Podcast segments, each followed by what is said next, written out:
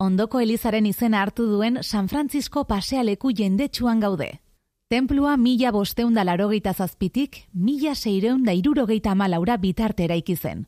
Uroinaga iturriaren ondoan dagoen orube honen jabea izan zen, Pedro Mendizorrotzen aginduz. Lur hori lagatzeaz gain, mila dukat eta eraikuntzarako beste amar dukateko urteko errenta bat ordaindu zituen. Arresitik kanpo kokatu zen, baina garrantzi berezi hartu zuen gaztelako errege bidearen ondoan zegoelako. Elizak nabe bakarra du, kanoi ganga bat, eta erretaula errena zentista interesgarri bat Ambrosio Bengoetxeak egina. Alaber, ia bi mendetan, teologia eskola garrantzitsu bat ezarri zen bertan. Gerra garaietan, beste eliza batzuk bezala, ospitale militar eta kuartel gisa erabili zen.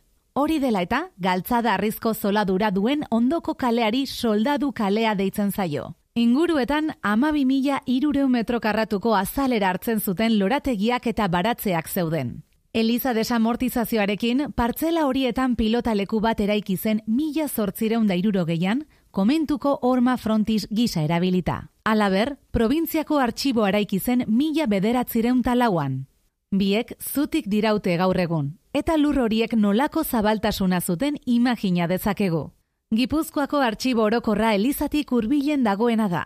Mila bosteun dagoita margarren urteaz geroztik, Santa Maria Elizako sakristiaren gainean egontzen, baina txiki geratu zenez gero, aldundiak eraikin hori egiteko eskatu zion Manuel Etxabe foru arkitektuari. Segurtasun arrazoiak direla eta, lorategi zinguratuta eraiki zen. Inguruko eraikinen batek su hartuz gero, dokumentuak babesteko modua izan zen. Artxiboak zazpi mila eun metro linealeko biltegiratze dukiera du, eta gordetzen dituen funtsen artean, foru erakundeek amabos garren mendetik hogei garrenera bitarte sortutako dokumentuak daude. Ondoan beotibar pilota lekua dago.